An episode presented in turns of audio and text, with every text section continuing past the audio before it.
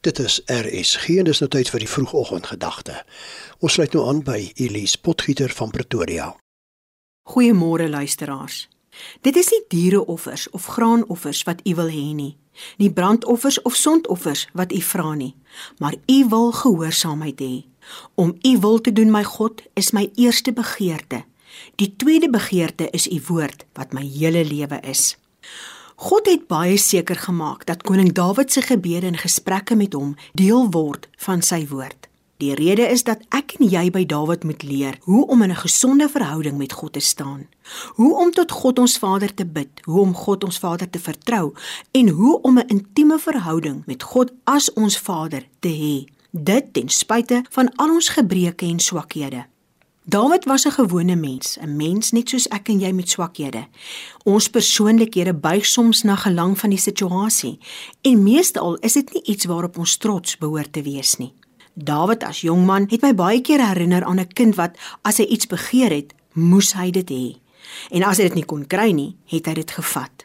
En tog wou God gehad het dat ons moet weet dat hy Dawid liefgehad het.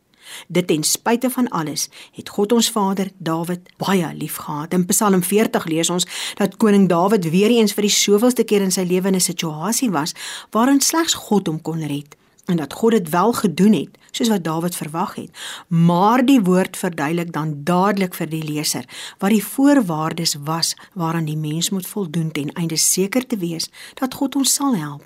Dawid verduidelik dat ons ons hele lewe kan wy aan die dinge van die Here, maar dis nie die enigste tipe offer wat hy vra nie. Nee, God vra gehoorsaamheid.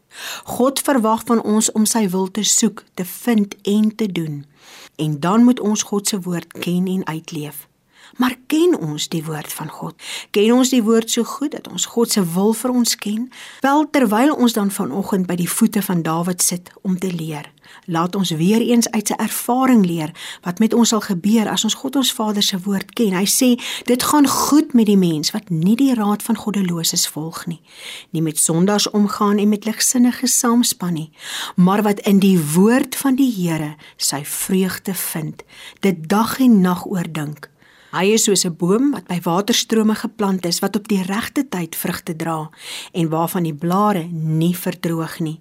Hy is voorspoedig in alles wat hy aanpak. Vader in die naam van Jesus Christus help my om gedissiplineerd u woord te bestudeer en daardeur u te leer ken. Amen. Dit was dan Elise Potgieter van Pretoria wat ver oggend se vroegoggendgedagte hier op RSG aangebied het.